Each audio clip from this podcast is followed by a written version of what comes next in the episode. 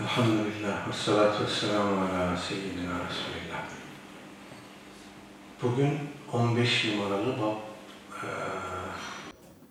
Babun fil muhafaza alel amali saliha ve terkit tehavuni biha ve tesahuli fiha. Başlıklı baba inşallah başlayacağız. Kısa bir bab. Salih amellere devam onları terk etmeden, bırakmadan, muhafaza ederek yapmaya devam etmek, gevşeklik göstermeye, tembelliğe, onlar konusunda e, vurdum duymazlığa düşmemek, efendim bunu terk etmek. Nevevi merhum gene birkaç ayet-i kerime e, zikrediyor başlangıçta. Bunlardan birisi Hadid suresinin 16. ayeti. Bismillahirrahmanirrahim.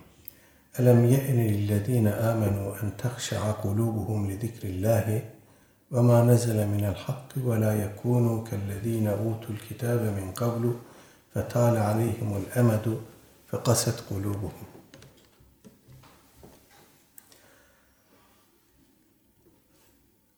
İman edenlerin Allah'ı zikretmesi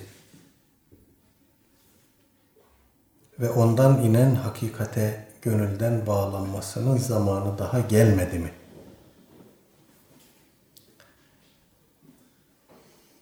Daha doğrusu kalplerinin Allah korkusuyla, huşuyla dolmasının zamanı gelmedi mi? Müminler daha önce kendilerine kitap verilen ehli kitap e, gibi olmasınlar. Onlar ki kendilerine kitap verildikten sonra aradan uzun bir zaman geçti. Kalpleri katılaştı. Müminler onlar gibi olmaz. Bu ayeti kerimede enteresan bir durum var gerçekten. Daha doğrusu enteresan iki durum var. Birisi e, ehli kitabın yaşadığı durum, Yahudilerin ve Hristiyanların yaşadığı durum kalp katılaşması olarak ifade ediliyor. Bu önemli bir şey. Demek ki kalbin bir kıvamı var. Ee, o kıvamını muhafaza etmek gerekiyor. Ee, o kalp o kıvamını kaybedip de katılaşmaya başlayınca kıvamını kaybetmesi de katılaşmak suretinde oluyor demek ki. Katılaşmaya başlayınca insandaki değişim de başlıyor. İnsandaki e, haktan batıla doğru dönüşüm de başlıyor. Kalp katılaşması üzerinde bu bakımdan hassasiyetle durmak lazım. Dilimizde de katı kalpli deriz. Merhametsiz insanlar için, acımasız insanlar için katı kalpli deriz. Ama esasen bu kalp kasveti ayeti kerimede geçen tabir öyle kalp kasveti acımasızlıkla sınırlı bir şey değil. O vahyin hakikatinden uzaklaşmakla başlıyor, tahrif süreciyle devam ediyor, küfürde, isyanda, masiyette azgınlaşma ve tuğyanla Allah korusun neticeleniyor. İkinci nokta, e, Cenab-ı Hak buyuruyor ki onların üzerinden uzun zaman geçti uzun zaman geçince kalpleri katılaştı. Demek ki kalp katılığıyla vahyin indirildiği dönemki canlılık, o canlılıktan uzaklaşma arasında zamansal olarak uzaklaşma arasında bir bağlantı var. Vahyin indiği dönemden uzaklaştıkça insanların kalpleri katılaşıyor, insanların anlayışları değişiyor. Ehli kitabın yaşadığı hikayenin, maceranın, tahrif sürecinin e, esprisini, hikmetini, sebebini burada aramak lazım. Kalp katılaştıkça e, insanın dinle, vahiy ile, kitapla ilişkisi de değişmeye ve dönüşmeye başlıyor. Orada canını sıkan bir şeyler meydana gelmeye başlıyor. Zaman içerisinde kitaba uymak yerine kitabına uydurmaya başlıyor. Kitabı kendisine uydurmaya başlıyor. Ee, dolayısıyla kalp katılığı ile bu zaman arasında böyle bir doğrudan ilişki var. Bu durum ehli kitaba mahsus mudur? Hiç şüphesiz değil. Ümmeti Muhammed de bu durumu yaşıyor. Kalp katılaştıkça vahiy ile, kitapla, sünnetle münasebetlerimiz mahiyet değiştirmeye başlıyor. Kitaba, sünnete bakışımızda değişiklikler e, meydana gelmeye başlıyor. İşte o kitabı kendisine uydurma süreci bu şekilde meydana geliyor demek ki. İnsan e, sapmaya çok meyilli bir varlık. Azıcık kontrolü elden bıraktığında, azıcık murakabeyi, muhasebeyi elden bıraktığında çok kolay sapıyor. Daha da kötüsü yaşadığı sapmayı hakikat haline getiriyor. Ee, ve her şeyi de ona doğru dönüştürmeye başlıyor. Yaşadığı durumu mutlaklaştırıyor. Din yerine koyuyor ve yaşadığı her şeyi de o yaşadığı duruma uyarlamaya başlıyor. Kitabın yorumları, sünnetin yorumları, efendim dinle ilgili hükümler, iştihatlar vesaire de buna göre şekilleniyor. En tehlikeli olan da bu.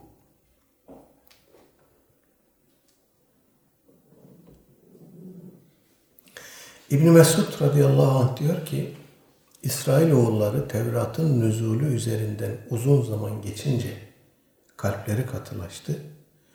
Kalpleri katılaştığı için kendilerine yeni yeni kitaplar uydurdular. Tevrat ve Zebur yanında kendilerine yeni yeni kitaplar uydurdular. Sonra bunları İsrailoğullarına arz ettiler. Hahamlar, e, Yahudi din alimleri bunları İsrailoğullarına arz ettiler. Kabul edenleri serbest bıraktılar. Kabul etmeyenleri öldürdüler, astılar, kestiler, sürdüler. O tahrif süreci içerisinde İsrailoğullarının tarihi içinde böyle bir şey de yaşandı yani. Gerçekten de onların o e, sapmalarına, o uydurmalarına, tahriflerine katılmayanlar, buna itiraz edenler Yahudi toplumu tarafından çok çetin muamelelere maruz bırakıldı. Zaman zaman burada kendilerinden bahsediyoruz. Esseniler diye bir grup var. Ee, bu Ölü Deniz yazmaları bulundu 1945, 46, 47 o yıllarda. Sonra İsrail kuruldu. İsrail'in kuruluşuyla birlikte gene o Lut Gölü bölgesinde yeni yazmalar bulundu. Onlar üzerinde efendim İsrail çok uzun zaman bir tekel kurdu ve e, dünya kamuoyuna ne olduğunu anlatmadılar. Çok uzun yıllar. Sonra aradan çok uzun yıllar geçince bu kitapları, bu ruloları, yazmaları, parşömenleri peyderpey neşretmeye başladılar. Kendilerine göre bir tarihleme yaptılar. Bu tarihleme içerisinde bu çok önemli bir şey değil dediler. Bunlar işte milattan sonra, İsa'dan sonra e, ki yıllarda efendim o bölgede yaşayan sapık bir e, Yahudilikten sapmış bir toplumun işte günlük hayata ilişkin vesaire belgeleridir dediler. Burada çok önemli bir şey yok. Oysa orada e, çok önemli belgeler vardı. Orada hatta e, bu işle ilgilenenlerin ifade ettiğine göre sahih bir Tevrat nüshası bile vardı. Ama tabii o yıllar bizim için çok netameli yıllar. Hem Türkiye için hem İslam dünyası için. Efendim İkinci Dünya Savaşı olmuş, işgaller, istilalar olmuş, yönetimler değişiyor, devrimler oluyor filan. Ee, kimsenin İslam dünyasında bu işlerle ilgilenecek mecali kalmamış. Dolayısıyla orada böyle bir e, oldu bittiye getirildi o ölü deniz yazmaları, o belgeler. İşte muhtemelen Esseniler İsrailoğullarının bu tahrif sürecine katılmayarak, bunu reddederek e, Filistin bölgesinden çekildiler. Lut Gölü civarına oradaki mağaralarda yaşamaya başladılar. Efendim ve orada kendi sahih e, inançlarını, adetlerini, örflerini, efendim belgelerini, kitaplarını muhafaza ettiler. İşte İbn, İbn Mesud e, radıyallahu anh hazretleri de bu gerçeğe parmak basıyor. Bu uydurdukları kitapları Yahudiler, Yahudi hahamlar uydurdukları kitapları İsrailoğullarına arz ettiler. Kabul edenleri bıraktılar, etmeyenleri öldürdüler, astılar, kestiler. Öyle bir süreç yaşandı. Gene İbn Mesud radıyallahu anh diyor ki İslam'a girişimizle bu ayetin nüzulü arasında sadece dört yıl vardır. Ayetin ifadesine baktığımızda böyle bir tehdit, böyle bir ikaz daha doğrusu muhtevası var. İman edenlerin e, Allah'tan gelen gerçeğe, hakikate, hakka gönülden ürpererek bağlanma zamanı gelmedi mi? Aradan dört sene geçmişler. Dolayısıyla bu ayeti bugüne taşıdığımızda, bugüne getirdiğimizde e, bizim için çok daha ağır bir ikaz, çok daha ağır bir itap, azarlama ihtiva ettiğini söylememiz lazım. Zira günümüzde yaşanan kalp katılığı her zamankinden çok daha fazla. Evet, ikinci ayeti kerime Hadid suresinin 50 27. ayeti. Bismillah ve bi İsa ibn Meryem ve ateynahu'l İncil ve cealna fi kulubi'llezine ittaba'uhu ra'feten ve rahmeten ve rehbaniyeten ibteda'uha ma ketebnaha aleyhim illa ibtigâe rıdvanillahi fema ra'avha hakka riayetiha.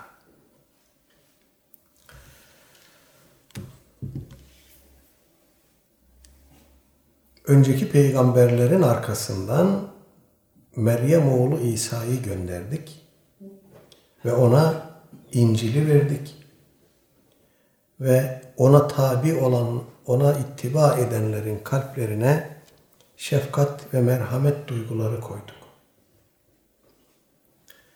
Onlar daha sonra e, ortaya çıkardıkları, icat ettikleri ruhbanlık bid'atini biz onlara yazmamıştık. Biz İsa Aleyhisselam'ın ümmetine ruhbanlık diye bir vazife, bir mesuliyet yüklememiştik. Onu onların kendileri icat ettiler. Niye yaptılar bunu? İbtiga erduanillah Allah Teala'nın razılığını, rızasını kazanmak için kendileri yaptılar bunu. Fakat fema ra'avha hakka riayetiha sonra ona kendileri de gerektiği gibi riayet etmediler. Kendileri bu bid'atı uydurdular. Fakat kendileri de buna riayet etmediler. Evet İsa Aleyhisselam'a ittiba edenler İsrail oğullarının katılaşan kalplerinin aksine İsa Aleyhisselam'a ittiba edenler, onun ümmeti olanlar e, merhametli, şefkatli insanlardı. Cenab-ı Hak onlara böyle bir özellik bahşetmişti. Sonra onlar kendilerini e, Cenab-ı Hakk'a yaklaştırmak için, daha iyi kulluk etmek için sözüm ona ruhbanlık diye bir şey uydurdular. Dünyadan ele tek çekme, e, manastırlara kapanma diye bir bid'at ortaya attılar. E, fakat ona da hakkıyla riayet etmediler. İşte cinsel oruçlar tuttular, evlenmekten kaçındılar, dünya ile alakalarını, bağlantılarını kestiler vesaire vesaire. Fakat bir zaman sonra o e, ruhban sınıfı, burada kastedilen ağırlıklı olarak Katolikler, ruhban sınıfı bir süre sonra o şeye riayet etmemeye başladı. Dünya işlerine dalmaya başladı. Efendim, devlet yönetimlerine, ekonomiye, toplumların ahvaline, sosyal olaylara vesaireye karışmaya başladı. Hatta bir süre sonra o e, cinsel oruçlarını da ihlal etmeye başladılar.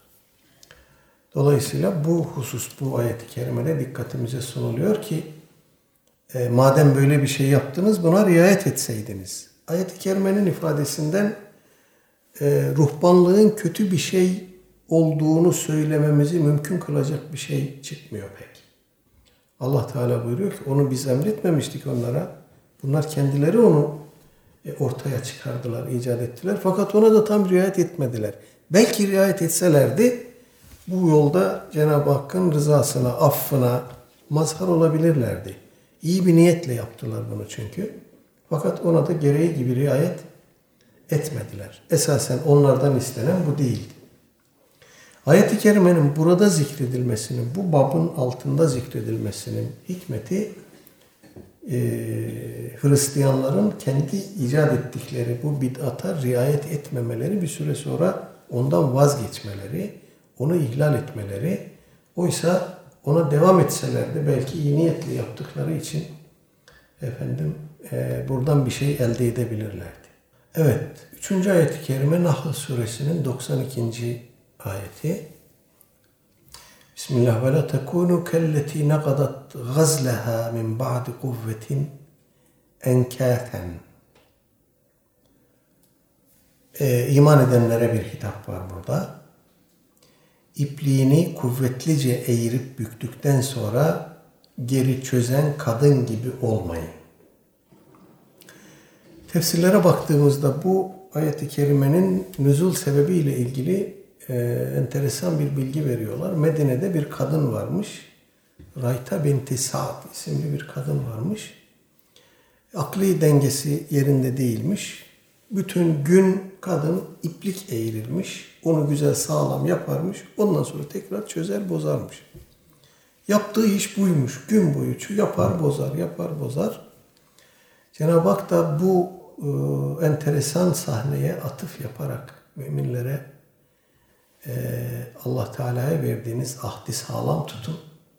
Ona söz verdikten sonra o ahdi sapa sağlam verdikten sonra o kadın gibi ipliğini çözen kadın gibi ahdinizi çözmeyin, bozmayın. Ee, burada verilen mesaj çok açık. Ee, müminler Allah Teala'ya bir söz vermişler. Esasen Elest bezminde başlayan, Elestu bi Rabbikum hitabıyla başlayan, ona verilen evet cevabıyla onaylanan bir ahd-ı misak var. İnsan oğluyla, Adem oğluyla Allah Teala arasında bir ahit var, bir sözleşme var. Ee, Allah Teala kendisine iman edenlerden söz alıyor, bir ahit alıyor. Buna karşılık onlara bir şey vaat ediyor. Onlar o sözü yerine getirirse Cenab-ı Hak da ahdini yerine getirecek.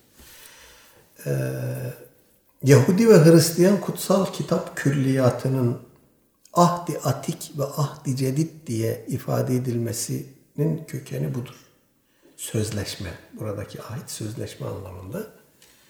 Yahudiler Tevrat ve diğer külliyata e, kadim sözleşme diyorlar. Sonra Hristiyanlar da o Yahudi kültürünü, geleneğini kopya ederek İncil ve diğer e, Hristiyan kutsal kitap külliyatına ahdi cedid diyorlar. Yeni sözleşme. Bu sözleşmenin kökeni budur. Bu Elest bezmindeki ahitleşmedir. Allah Teala sadece İsrailoğullarından değil, bütün iman edenlerden ahit alıyor. Bismillah inna Allah iştera minel mu'minine enfusehum ve emvalehum bi enne lehumul cennet. Allah iman edenlerden mallarını ve canlarını satın almıştır cennet karşılığı. Bu bir sözleşmedir, bir ahitleşmedir. Efendim. Dolayısıyla bu ayeti kerimede Cenab-ı Hak müminleri ikaz ediyor. Allah'a böyle bir söz verdikten sonra sakın o kadın gibi ahdinizi çözmeyin. Ahdinize bağlı kalın, devam edin.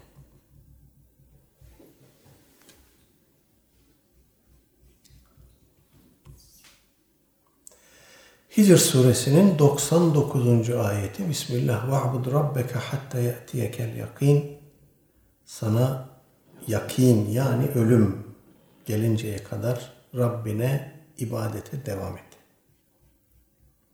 Bu da gene salih amellere, hayırlı işlere devam başlığımızın altında zikredilen ve oraya delaleti açık olan bir ayeti kerime. Demek ki insanın sorumluluğu ömür boyu devam ediyor. Ee, insanı Cenab-ı Hak güç yetiremeyeceği şeylerle sorumlu tutmamış. Akıl başta olduğu sürece, bedende güç, kuvvet ve imkan olduğu sürece Cenab-ı Hak insanları onlara yüklediği mükellefiyetlerden sorumlu tutuyor. İşte namaz diye bir mükellefiyetimiz var mesela. Sadece sağlıklı olanlar namaz kılar, hasta olan namazı bırakır diye bir şey yok mesela. Hasta da olsa kişi namazına devam edecek. Aleyhisselatü Vesselam Efendimizin açık ifadesi var. Ayakta kılabiliyorsan ayakta kıl. Gücün yetmiyorsa oturarak kıl. Gücün yetmiyorsa yatmış vaziyette kıl. Başınla kıl, imayla kıl. Bakın yani ne yapab ne kadarını yapabiliyorsak o kadarından sorumluyuz. İbadetlerden efendim e, azat olma diye bir şey yok. Dünya mükellefiyet dünyası, sorumluluk dünyası. Biz burada bir takım sorumlulukları yerine getirmek için bulunuyoruz. Dolayısıyla yapabildiğimiz ölçüde gücümüz yettiği kadarıyla bu mükellefiyetleri yapacağız.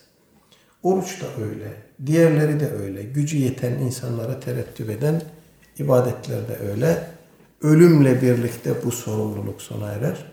Dolayısıyla kulluk ömür boyu devam eden bir mesuliyettir, bir sorumluluktur. Burada da tabi gene bab başlığına uygun bir muhteva görüyoruz. Hadislere gelince İmam Nevevi merhum 155 e, numaralı e, rivayette e, İmam Müslim rahimehullah'tan almış. Şöyle nakletmiş. An Ömer ibnül Hattabi radıyallahu anhu kal.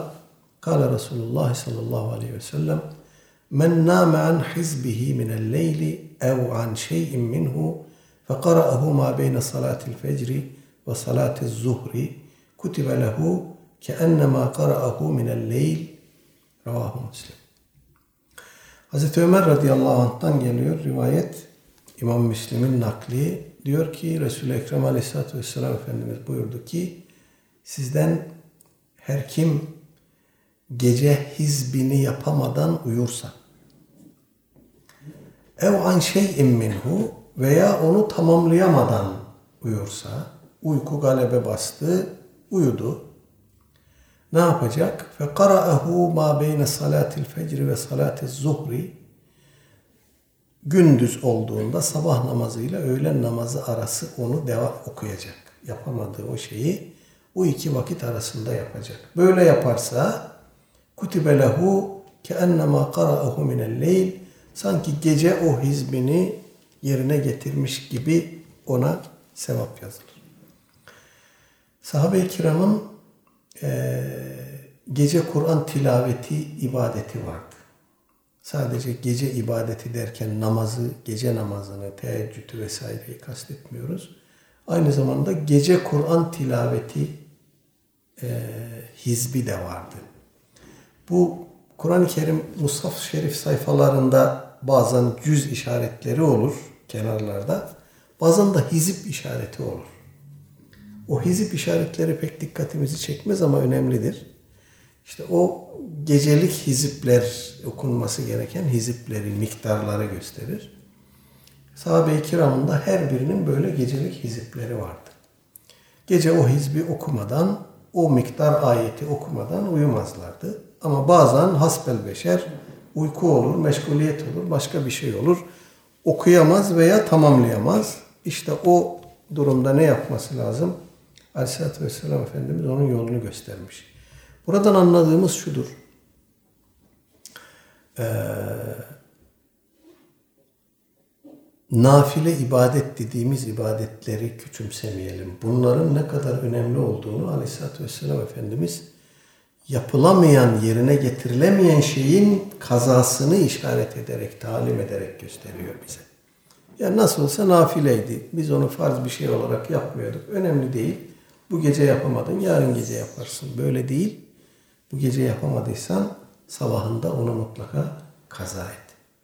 Bir şey daha anlıyoruz buradan.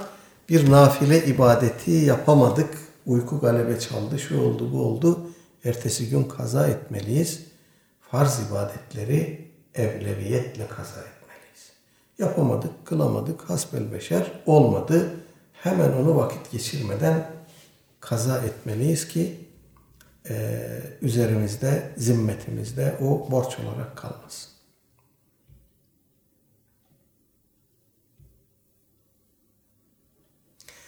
156 numaralı rivayet an Abdullah ibn Amr ibn el-As radıyallahu anhuma kal قال لي رسول الله صلى الله عليه وسلم يا عبد الله لا تكن مثل فلان كان يقوم الليل فترك قيام الليل متفق عليه İmam Bukhari ve Müslim rahimahumallah müttefikan rivayet etmişler. Abdullah bin Amr bin el-As radıyallahu anhuma'dan geliyor. Daha evvel bu aziz sahabiden bahsetmiştik. Diyor ki aleyhissalatü vesselam Efendimiz bana dedi ki Ya Abdullah, ey Abdullah La tekun misle fulanin falan kişi gibi olma. Kâne yekûmul leyle o kişi gece namazına kalkardı. Ve tereke kıyamelleyl bir süre sonra bunu terk etti. Sen onun gibi olma. Gece namazına kalkmayı e, efendim itiyat edinmişsen bunu terk etme, buna devam et. Bu sadece itiyat edinilmiş bir şeyin devam ettirilmesi gerektiğini anlatmaz. Nafile dediğimiz ibadetlerin önemini anlatır Efendim bir evvelki rivayette Kur'an okumanın önemiydi. Bu rivayette namazın önemi. Efendim bunlara devamın önemi e, bu rivayette dikkatimize sunuluyor.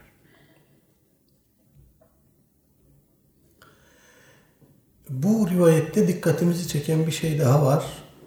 La tekun mitle fulanin aleyhissalatü vesselam Efendimiz falan kimse gibi olma buyurmuş. O kişi kim?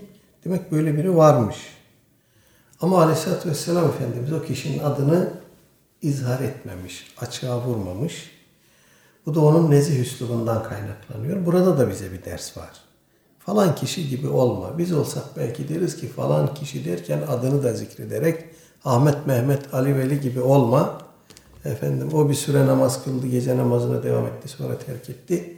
Ama Efendimiz burada aynı zamanda bize bir e, ders de veriyor bu durumda bir kişinin zaafını, yanlışını gösterecekseniz hem gıybet olmasın, hem onun itibarı zedelenmesin, hem onun hakkında su, suizanla kapı açılmasın diye falan kişi gibi olma diyerek efendim üstünü kapalı bırakıyor Aleyhisselatü Vesselam Efendimiz. Abdullah bin Amr bin As radıyallahu anh'tan söz ederken hatırlayacaksınız. O e, müminlerin annelerine gelip Efendimizin ibadetlerini soran üç kişi vardı sahabeden. Onlardan biriydi Abdullah bin Amr radıyallahu anh. Efendimizin ibadetlerini duyunca kendileri için azımsamışlardı. Demişlerdi ki Aleyhisselatü Vesselam Efendimizin geçmiş gelecek bütün günahları bağışlanmış olduğu halde o bu kadar ibadet ediyor gece. O zaman biz daha fazlasını yapalım. Her biri kendine bir e, söz verdi. Biri dedi ki ben bütün gece uyumayacağım, namaz kılacağım. Biri dedi ki ben bütün günler oruç tutacağım, hiç bırakmayacağım. Biri de hiç evlenmeyeceğim demiş. Böyle nezirlerde bulunmuşlardı. Efendimiz Aleyhisselatü Vesselam bunun yanlış bir şey olduğunu onlara ikaz etmişti. İşte bu çerçevede Abdullah bin Amr radıyallahu anh güçlü kuvvetli bir sahabi. Fizik olarak da güçlü yani. Ee, ona böyle bir ikazda bulunmakla Efendimiz aynı zamanda şunu demiş oluyor. Sen böyle güçlüyüm, kuvvetliyim, ben buna devam ederim, gücüm yeter falan diyorsun. Hatta pazarlık yapmıştı Efendimizle. En son derste görmüştük. Efendim kaç günde bir oruç tutayım, Kur'an-ı Kerim'i kaç günde bir hatmedeyim şeklinde. Efendimiz ona böyle bir ikazda bulunuyor. Bütün bunları söylüyorsun ama bir gün gelir zayıflarsın, yaşlanırsın, ihtiyar düşersin, hastalanırsın bunları sakın terk etme falan kimse gibi olma. Yapamayacağın şeyleri adama nezretme. Kendi kendine böyle bir söz verme. Evet 157 numaralı rivayet. An Aişe radıyallahu anha kalet Kana Resulullah sallallahu aleyhi ve sellem izâ fâtethu salatu minel leyl min vac'in ev gayrihi salla minen nehâri ithnetâ ithnetey aşrete rek'a ravahu muslim. İmam Müslim rahimehullah nakletmiş. Hazreti Ayşe validemiz radıyallahu anha diyor ki Kana Resulullah sallallahu aleyhi ve sellem İdâ fâtethu salatu minel leyl Aleyhisselatü Vesselam Efendimiz gece namazını kaçırdığı zaman, kılamadığı zaman o da niye olurmuş? Min veca'in ev gayrihi. Hasta olur veya başka bir şey. Bu sebeple gece namazını kaçırdığı zaman, kılamadığı zaman salla minen nehar ithnetey aşrete rek'a gündüz 12 rekat kılardı. Onu kaza etmek babından gündüz 12 rekat kılardı. Aleyhisselatü Vesselam Efendimizin gece namazı ne kadardı? Bununla ilgili muhtelif rivayetler var. İnşallah önümüzde bununla ilgili bahisler gelir. Üzerinde detaylı olarak dururuz. Ee, bu rivayetten anladığımız olur ki, odur ki Aleyhisselatü Vesselam Efendimiz gece kaç rekat kılmış olursa olsun, eğer onu kaçırdıysa, kılamadıysa onun yerine gündüz 12 rekat kılarmış. Demek ki bir miktarda bazen 8 rekat kıldığını okuyoruz mesela Hazreti Ayşe validemizden. Efendimiz gece 11 rekat kılardı diyor. Bunun üçü vitirdir. Kalanı e, şeydir, gece namazıdır. Bazen bunu teravih için de nakletmişler. Bazı kaynaklarda böyle de geliyor. Aleyhisselatü Vesselam Efendimizin kaç rekat teravih namazı kıldığıyla ilgili rivayetlerde. İster öyle ister böyle olsun. Kılamadığında Efendimiz demek ki gündüz 12 rekat kılmak suretiyle onu kaza edermiş. Babun fil emri bil muhafazati ala sünneti ve adabiha. Sünnet-i seniyeyi ve adabını e, sünnetle ortaya konan edepleri yani e, muhafaza etmekle ilgili bahis.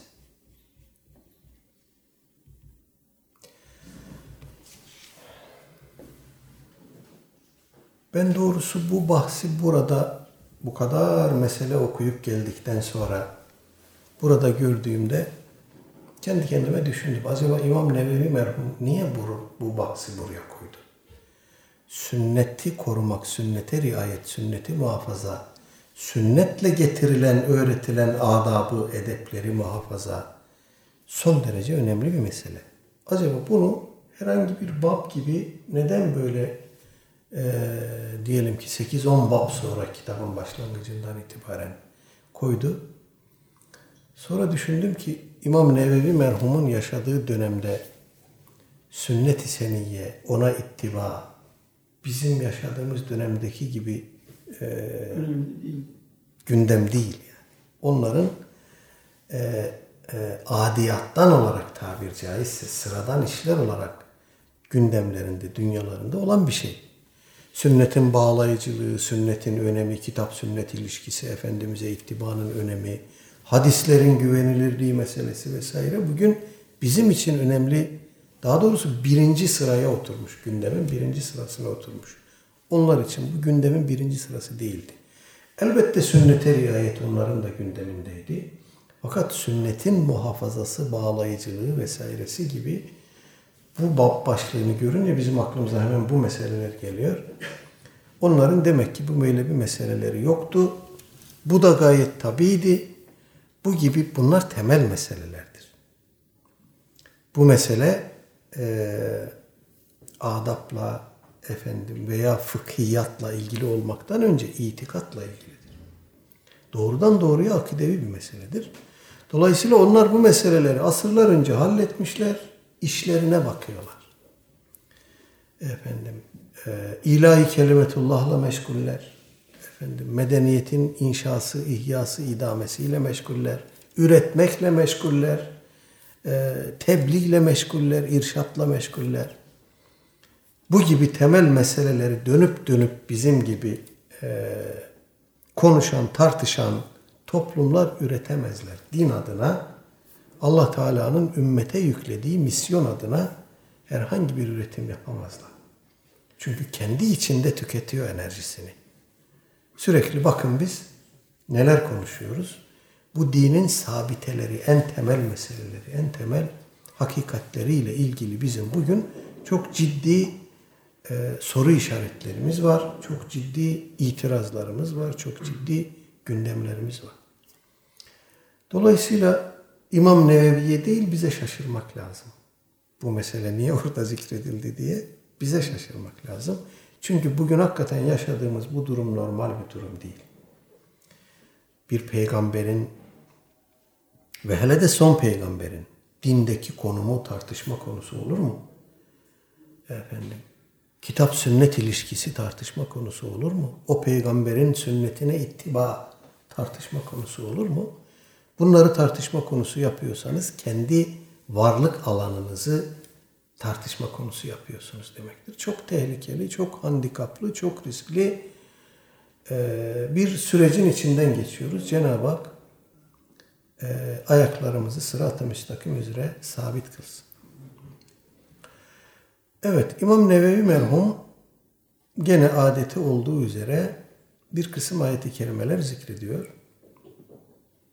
Ee, bakayım kaç ayet-i kerime var? Bir, iki, üç, dört, beş,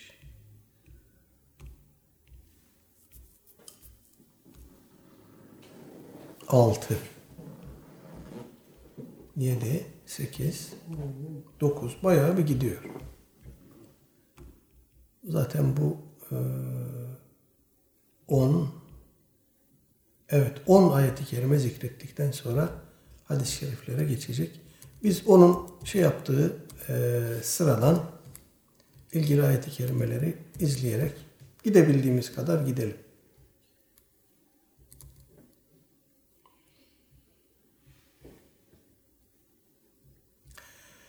İlk ayeti kerime Haşr suresinin 7. ayeti. Bismillah ve ma atakumur rasulü fehuduhu ve ma nehakum anhu fentehu.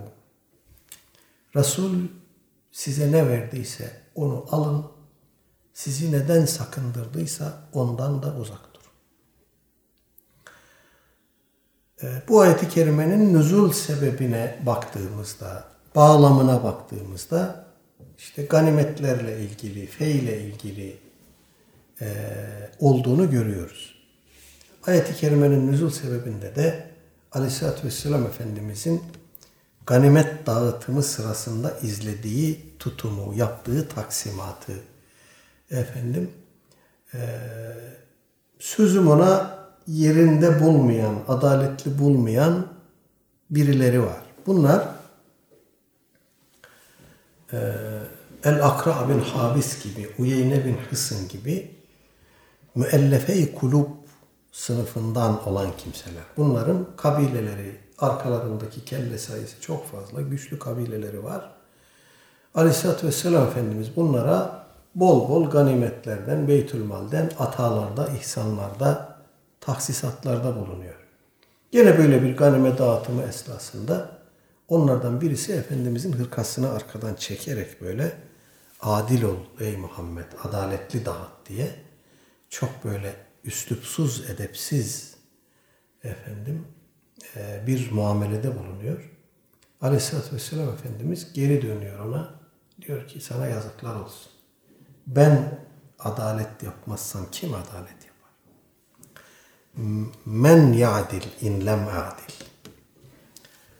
Dolayısıyla işte bu tür e, itirazlara Aleyhisselatü Vesselam Efendimizin taksimatına vesaire itirazlar konusunda bir hususi durum var. Nüzul sebebi olarak gördüğümüz tefsir kitaplarında.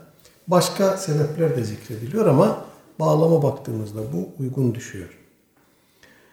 Ee, orada dolayısıyla o itirazı yapanlara ve onların şahsında bütün sahabe-i kirama bir emir var. Resul size ne verdiyse onu alın, onunla yetinin, ona itiraz etmeyin. Sizi neden sakındırdıysa ondan da uzak durun. Bu özel durum sebebiyle e, bazıları diyorlar ki bu ayeti kerime böyle bir olay üzerine inmiştir. Bunun sünnetin delil oluşuyla, hücciyetiyle, bağlayıcılığıyla bir ilişkisi yoktur. Efendim Siz bunu farklı bir yerde delil olarak getiriyorsunuz. Bu, bu doğru bir şey değil derler. Ama e, iki noktayı böyle diyenler dikkatten kaçırıyorlar. Birincisi e, usulü tefsirde bir kaide var. Ayet-i kerimelerin nüzul sebeplerinin hususi olması, özel bir olay üzerine inmiş olmaları, hükümlerinin umumi olmasına engel değildir. Sebebin hususiyeti hükmün umumuna engel değildir. Dolayısıyla bir olayı vesile edinerek bir olay üzerine Cenab-ı Hak bir ayeti kerime indirir ki o ayeti kerime hem o andaki o özel olayı çözer hem de ondan sonrası için genel hükümler getirir. Burada da böyle bir şey görüyoruz. O özel meseleyi Cenab-ı Hak bu ayet-i kerimeyle çözmüş ama onun dışında gelecek zamanlar içinde diğer tarihler ve coğrafyalar içinde Cenab-ı Hak bir hususi, bir umumi kaide indirmiş. Bu ayet-i kerime aynı zamanda bir kaidedir. Ayet-i kerimenin ifadesine baktığımızda da bu umum durumunu anlıyoruz zaten. Ee, her iki fıkrasının ayet-i kerimenin her iki fıkrasının başındaki ma harfleri umum ifade ediyor. Ve ma atakumur resulü demek Resul size her ne verdiyse gerek o özel olayda orada bulunanlar için gerek onların dışındaki bütün ümmet için Resul aleyhissalatü vesselam ne verdiyse, ne getirdiyse hepsini alacağız. Ve ma nehakum anhu ve sizi neden sakındırdıysa. Bu ganimet taksimatı olur, başka bir şey olur, dini bir iş olur, dünyevi bir iş olur fark etmez. Sizi neden sakındırdıysa ondan da uzak durun, kaçının. Dolayısıyla ayet-i kerimenin bu e, ifadesi de, üslubu da bize aynı şeyi ihtar ediyor. Burada bir kayıt yok, bir tahsis yok, bir efendim e, takyit yok. Dolayısıyla buradan anlaşılan odur ki Resul Aleyhisselatü Vesselam size her ne getirdiyse, her ne verdiyse, her neyi emrettiyse onu yapın, alın. Ve sizi her neden nehyettiyse, sakındırdıysa ondan da uzak dur.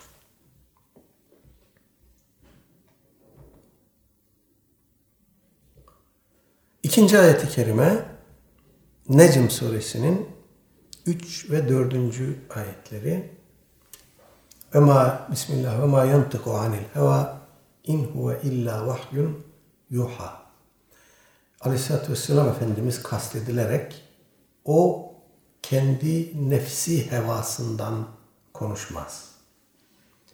Onun konuştuğu ancak ona bildirilen, iletilen vahiydir. Başka bir şey değildir.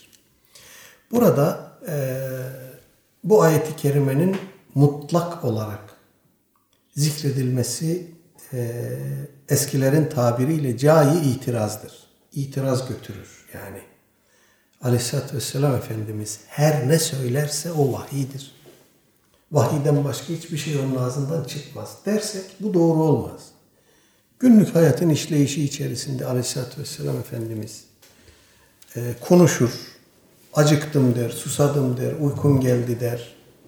Değil mi yani? Bir çocuğun başını okşar, nasılsın der. Efendim. E, günlük hayatın akışı içerisinde onun mübarek ağzından çıkan her söz vahiy değildir. Onun ağzından çıkan ve vahiy olan sözlerin muhtevası, bağlamı nedir? Bir, Kur'an-ı Kerim'in ayetlerinin tebliği. Bunlar vahiydir. İki, bu ayetlerin tefsiri, beyanı, açıklaması. Ve üç, genel olarak dinin tebliği e, bağlamında Aleyhisselatü Vesselam Efendimizin mübarek ağzından çıkan her söz ya vahidir ya vahyin tensibinden, onayından geçmiştir. Aleyhisselatü Vesselam Efendimiz'e her söylediği sözü Cebrail Aleyhisselam getirmiyor. Onun getirdikleri var. Nitekim sahabe, tabiinden e, birisi Hassan bin Atiye yanlış hatırlamıyorsam diyor ki Cibril aleyhisselam Peygamber aleyhisselatü vesselama Kur'an ayetlerini getirdiği gibi sünneti de getirirdi. Dolayısıyla sünnet de vahidir Cibril aleyhisselam tarafından getiriliyor. Ama e, Aleyhisselatü Vesselam Efendimizin ağzından çıkan her sözü ona Cibril getirmiyor. Onun ağzından dinin tebliği, Kur'an'ın beyanı bağlamında çıkan her söz vahyi ya vahiydir ya vahyin denetimindedir. Bir yanlışlık olursa, bir hata, bir eksiklik bir şey olursa hemen vahiy onu düzeltir. Cibril aleyhisselam gelir, onu tasih eder. Dolayısıyla bu ayeti Necm suresinin bu üçüncü, dördüncü ayetlerini de böyle anlamamız lazım. Aleyhisselatü Vesselam Efendimizin her söylediği vahiy değildir. Bazen bunu böyle delil getirirler, görürsünüz. Sünnet-i seniyeyi savunmak adına. Ama bu doğru bir şey değil. Çünkü buradaki umum tahsis kabul eder.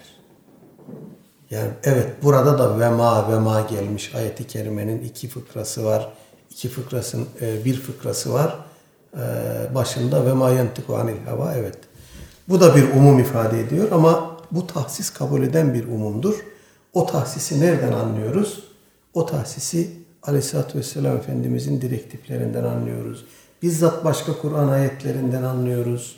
Efendimiz Aleyhisselatü Vesselam'ı ikaz eden, uyaran, siretten anlıyoruz. Dolayısıyla buradaki umum mutlak üzere, e, umumu üzere mutlak anlamda terk edilmemiştir.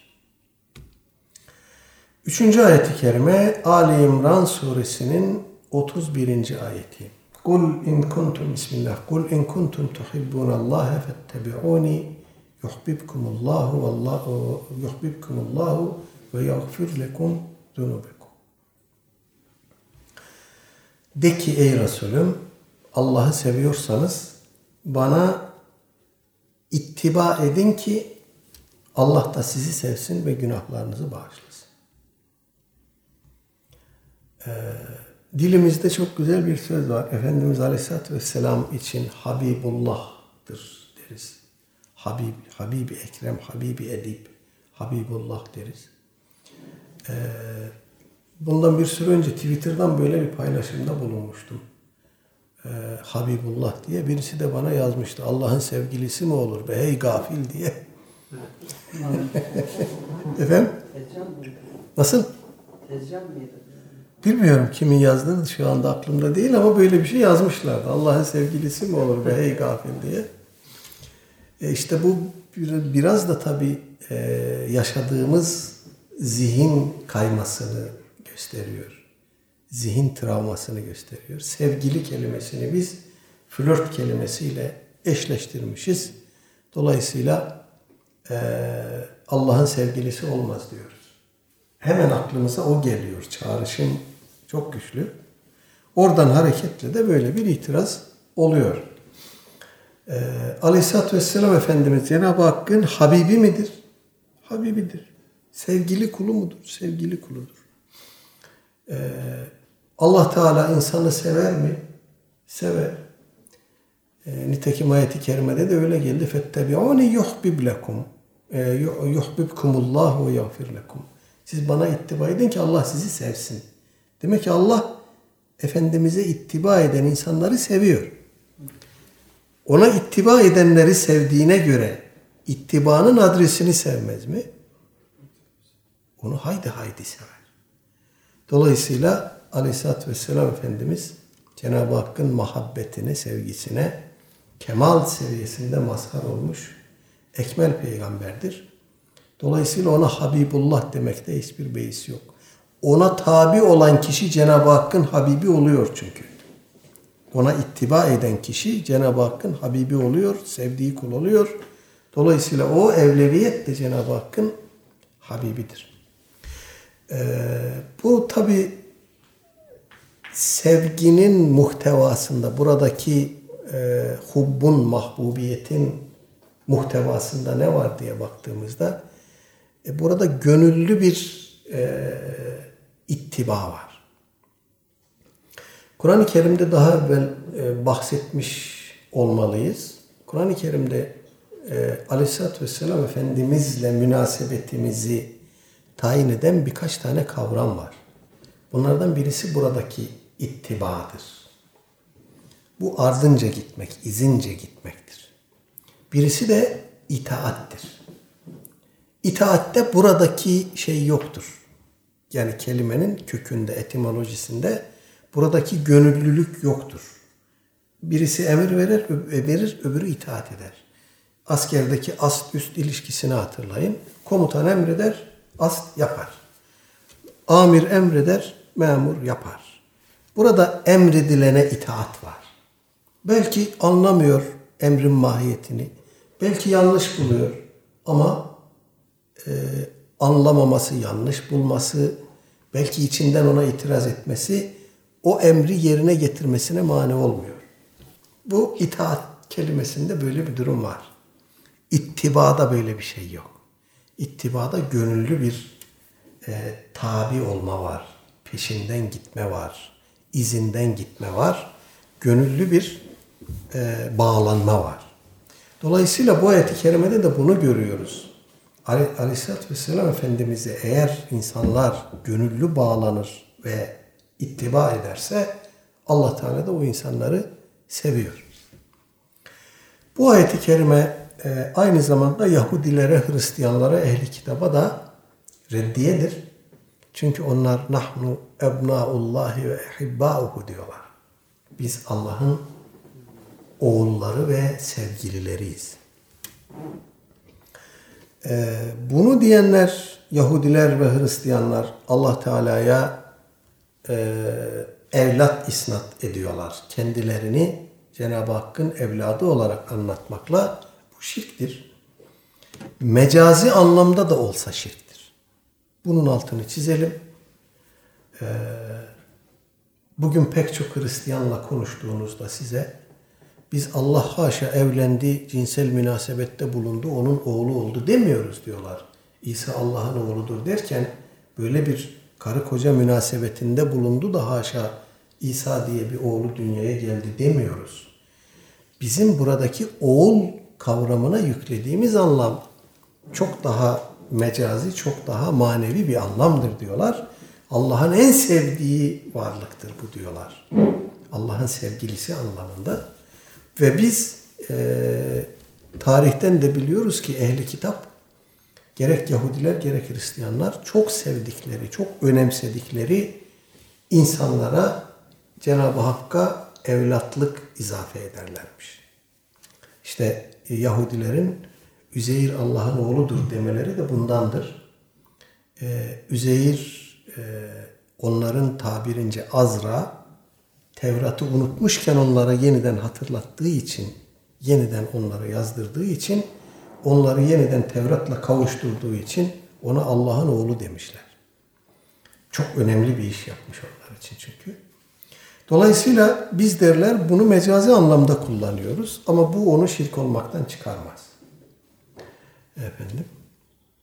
İkincisi Yahudiler e, ve Hristiyanlar biz Allah'ın oğulları ve sevgilileriyiz derken ayet-i kerime onları yalanlıyor, reddediyor. Eğer Allah'ın sevgilileri olduğunuzu iddia ediyorsanız, Allah'ın sevdiği kullar olduğunuzu iddia ediyorsanız o peygambere gönüllü bağlanın ki Allah da sizi sevsin. Yoksa sizin bu iddianız kuru bir iddiadır, altı boştur.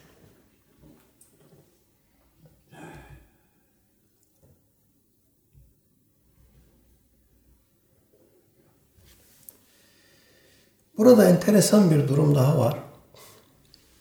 Ee, bu ayet-i kerime nazil olduğunda Kul in kuntum tuhibbun Allah ve tebi'un yuhibbukumullah.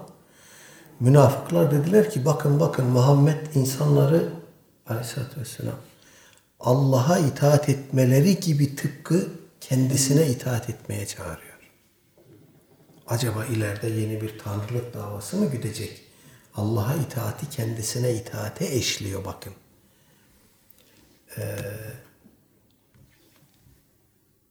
ve Yahudi Hristiyanlardan da bunu istiyor. Zaten onlar böyle diyerek saptılar. Biz İsa'ya itaat ediyoruz, onu seviyoruz, onun ardından gidiyoruz diyerek saptılar. Onlar İsa'yı nasıl seviyorlarsa bizim de kendisini öyle sevmemizi istiyor bu anlaşılan gibi şeylerde bulundular. Tarizlerde bulundular. O zaman Ali İmran suresinin 32. ayeti kerimesi indi. Mealen de ki Allah'a ve peygambere itaat edin Eğer dönerlerse muhakkak Allah kafirleri sevmez. Şimdi bugün adı Müslüman olan pek çok kimse bu meseleye aynı mantıkla bakıyor. Ve etiullah ve etiur Resul muhtevalı ayetlerden diyorlar bunlardan kasıt Allah'a itaattir. Peygambere itaat Allah'a itaat gibi olmaz. Burada peygambere itaatin zikredilmesi mecazdır, vurgudur. Asıl maksat Allah'a itaattir. Allah'a itaati vurgulamaktır. Ee, bu Cenab-ı Hakk'ın muradını tam tersine çeviriyor. Allah Teala Aleyhisselatü Vesselam Efendimiz'e itaat ile kendisine itaatin farklı şeyler olduğunu anlatmak babında etiullâhe ve etiur rasule ve ulil emri minkum buyurmuş. Bu ayeti kerime üzerinde dururken e, müfessirler enteresan bir noktaya dikkatimizi çekiyor. Diyorlar ki bakın bu ayeti kerimede eti'u emri iki kere geldi. Eti'ullah, Allah'a itaat edin ve eti'ur Resul, Resul'e de itaat edin ve ulul emri minkum. Ve sizden olan emir sahiplerine de. Orada itaat emri yenilenmedi. Allah'a itaatte itaat emri geldi. Resul'e itaatte itaat emri geldi. Sarahaten. Ama ulul emre itaatte ayrıca ve etu'u ulul emr diye gelmedi. Ve ulul emri minkum diye geldi. Dolayısıyla Allah'a itaat başka bir şeydir. Resul'e itaat başka bir şeydir. Mahiyet olarak. Adres aynıdır, maksat aynıdır, hedef aynıdır ama mahiyet olarak farklıdır. Allah Teala'ya nasıl itaat edersiniz? Allah Teala'nın Kur'an-ı Azimüşşan'da indirdiği ayetlere itaat ederek, oradaki emirleri ve nehileri tutup yerine getirerek itaat edersiniz. Peki Resul'e nasıl itaat edersiniz? Ona bakarsınız o sizin önünüzde üsve-i hasenedir, canlı bir örnektir. Kur'an dışında da size söylediği şeylerde ona itaat edin. Esas Resul'e itaatin esprisi burada ortaya çıkıyor. Yani yaşamla ilgili olan bölümle. Evet, yani Kur'an ayetleriyle sınırlı bir itaat olsa ayrıca Resul'e itaat emri gelmez. Resul'e itaat emrinde başka bir şey var ki, başka bir şey olmalı ki ayrıca orada etiu emri yeniden sarahaten geldi. İşte o Kur'an dışı söylediği, yaptığı işlerde ona itaat edin demektir. Çünkü Kur'an'a itaat zaten Efendimiz e, Allah Teala'ya itaat anlamında birinci emirde mevcut. İkinci emirde Kur'an dışı beyanları, yaptıkları, ettikleri, emirleri, yasakları konusunda Resul'e aleyhissalatü vesselama itaattir. Ulul emre itaat ise ayetin üçüncü fıkrası Kur'an ve sünnet çerçevesinde onlara uygun yaptığı şeylerde itaat. Bununla sınırlıdır yani. Dikkat ederseniz Aleyhisselatü Vesselam Efendimiz'e itaatte herhangi bir sınır yok. Emir mutlak. Ama burada ulul emr buna itaat nedir? İşte ulemadır, umeradır vesairedir. Bunlara itaat Kur'an ve sünnete uydukları ölçü. uydukları ölçü şeylerle sınırlıdır. Onun dışında mahluka itaat yoktur. Ahzab suresinin 21. ayeti. Bismillah. Lekad kâne lekum fî Rasûlillâhi usvetun hasenetun limen kâne yerzullâhe yerzullâhe vel yevmel âhir. Hiç şüphesiz sizin için Allah'ın Resulü'nde güzel bir örnek vardır. Sizin için ve Allah'a ve ahiret gününe kavuşmayı umanlar için. Allah'ın Resulü'nde güzel bir örneklik vardır. Burada e, sünnetin bağlayıcılığı değil de bir örnek olarak önümüze konduğunu, bize bir model olarak sunulduğunu anlayabilir miyiz? Nitekim günümüzde pek çok modernist böyle anlıyor bu ayet-i kerimeyi. Bakın burada Resul sizin için örnek denmiş. Bir itaat merci değil, başka bir şey değil. Allah'a ve ahiret gününü umanlara, Allah'a ve ahiret gününe kavuşacaklarını umanlara Resul'de bir güzel örneklik vardır demiş. O bir örnektir. Tek model değildir ama. Onun yaptığı gibi yaparsanız güzel olur. Ama bu bir e, tekel değildir. Bu bir tekel ifade etmez. Başka türlü de Allah'ın emirleri, yasakları, vahyi, kitabı başka türlü de anlaşılabilir, yaşanabilir.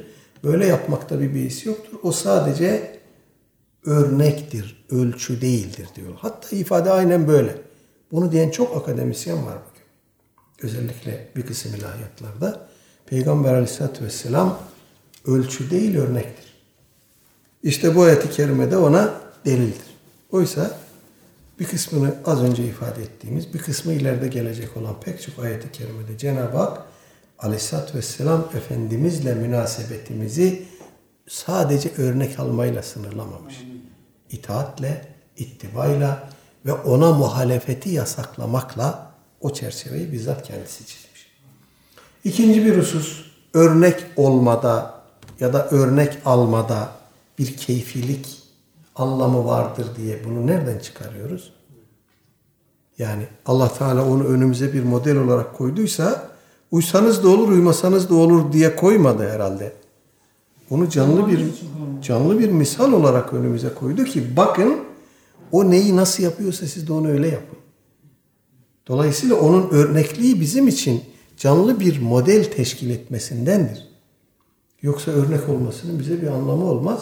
Kaldı ki bunu söyleyenler peygambere çok da ihtiyatı, ihtiyacımız yok. Kur'an çok açık anlaşılır bir kitaptır. Okuyun anlarsınız filan diye önümüze bir sürü meal koyuyorlar. Ondan sonra da onu nasıl anlamamız gerektiğini kitaplar yazarak bize anlatıyorlar. Bu meal, bu kitap bu kadar kolay anlaşılabilecek bir kitaptı da bu kadar şeyi niye yazdınız kardeşim? Bu da enteresan bir durum, bir ironi olarak önümüzde. Evet, burada bırakalım. Ve sallallahu ala seyyidina Muhammedin ve ala alihi ve sahbihi ecmain velhamdülillahi rabbil alemin. El Fatiha.